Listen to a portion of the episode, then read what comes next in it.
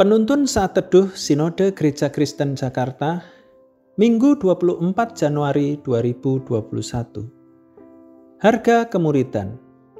Matius 16 ayat 21 sampai 28. Sejak waktu itu, Yesus mulai menyatakan kepada murid-muridnya bahwa ia harus pergi ke Yerusalem dan menanggung banyak penderitaan dari pihak tua-tua, imam-imam kepala, dan ahli-ahli Taurat, lalu dibunuh dan dibangkitkan pada hari ketiga.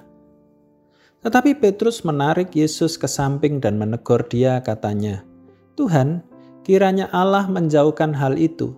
Hal itu sekali-kali takkan menimpa engkau.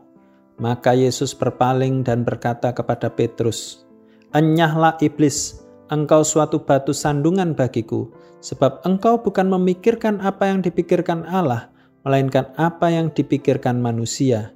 Lalu Yesus berkata kepada murid-muridnya, "Setiap orang yang mau mengikut Aku, ia harus menyangkal dirinya, memikul salibnya, dan mengikut Aku. Karena barang siapa mau menyelamatkan nyawanya, ia akan kehilangan nyawanya. Tetapi barang siapa kehilangan nyawanya karena Aku, ia akan memperolehnya. Apa gunanya seorang memperoleh seluruh dunia tetapi kehilangan nyawanya? Dan apakah yang dapat diberikannya sebagai ganti nyawanya?"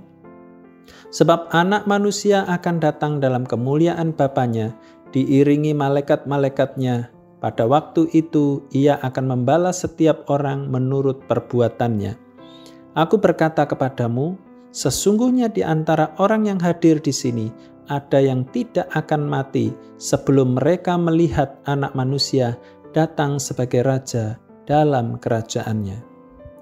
Keselamatan adalah sebuah anugerah dari Tuhan, di mana kita bisa percaya dan menerima Tuhan Yesus Kristus sebagai Tuhan dan Juru Selamat secara pribadi.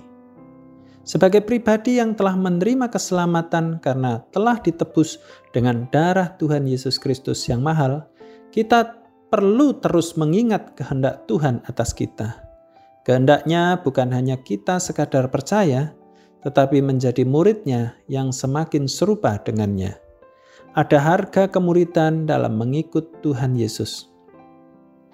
Nas firman Tuhan ini mengungkapkan mengenai harga kemuridan yang tertuang dalam kalimat Tuhan Yesus. Setiap orang yang mau mengikut aku, ia harus menyangkal dirinya, memikul salibnya, dan mengikut aku.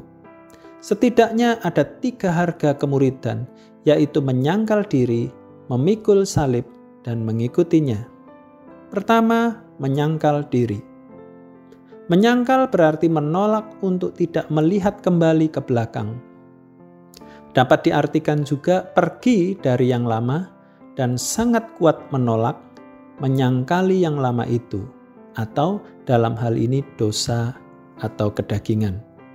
Dengan kuat atau sungguh-sungguh menolak, murid Kristus akan ditopang, dikuatkan oleh Roh Kudus untuk menolak dosa atau sifat kedagingannya yang lama. Kedua, memikul salib. Kata memikul hendak menjelaskan sikap murid Kristus yang mengangkat dari dasar atau tanah untuk dinaikkan. Kristus memikul salib yang berarti ia mengangkat kembali seluruh hidup umatnya dari bawah, dari dalam dasar kehinaan, karena di dalam dasar tersebut seluruh hidup umatnya rusak, hancur, tidak berharga, memalukan. Namun Kristus mengangkat semuanya itu dan membawa kembali ke atas hadirat Bapa surgawi. Di dalam kesatuan dengan Kristus, muridnya menyatu untuk diangkat dari dasar maut yang kelam untuk terus diangkat ke atas yaitu mengalami pemulihan, transformasi hidup, tidak lagi sama dengan situasi tatkala ia berada dalam dasar yang kelam itu, melainkan semakin serupa dengan situasi kehidupan di atas atau kehidupan surgawi. Bagian ini juga berarti mati terhadap dosa.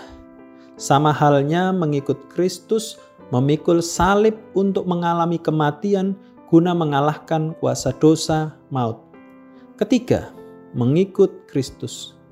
Kata mengikut berarti bergabung dalam komunitas murid Kristus yang mengikut gaya hidup, karakter, sikap, bahkan cara serupa Kristus, bukan lagi gaya hidup, karakter, sikap, dan cara dunia yang lama. Sebagai murid Kristus, harga kemuritan ini adalah harga yang harus kita hidupi. Oleh pimpinan Roh Kudus, kita pasti dimampukan, dikuatkan, ditopang untuk menghidupi harga kemuritan tersebut. Si jahat tidak akan pernah berhenti untuk mencobai kita supaya kembali menikmati dosa-dosa kita yang lama, kembali menikmati dunia dengan segala tawaran kenikmatannya, kembali mengikuti cara pola pikir si jahat.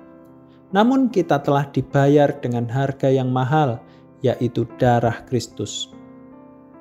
Tetaplah tunduk dan berserah di dalam Kristus, oleh rohnya yang kudus, kita akan selalu dijaga, diluruskan untuk tetap memandang kepada Kristus, meski godaan, cobaan silih berganti datang untuk menjauhkan kita darinya. Harga kemuritan ini membawa kita semakin serupa dengan Kristus Yesus, Tuhan dan Juru Selamat hidup kita.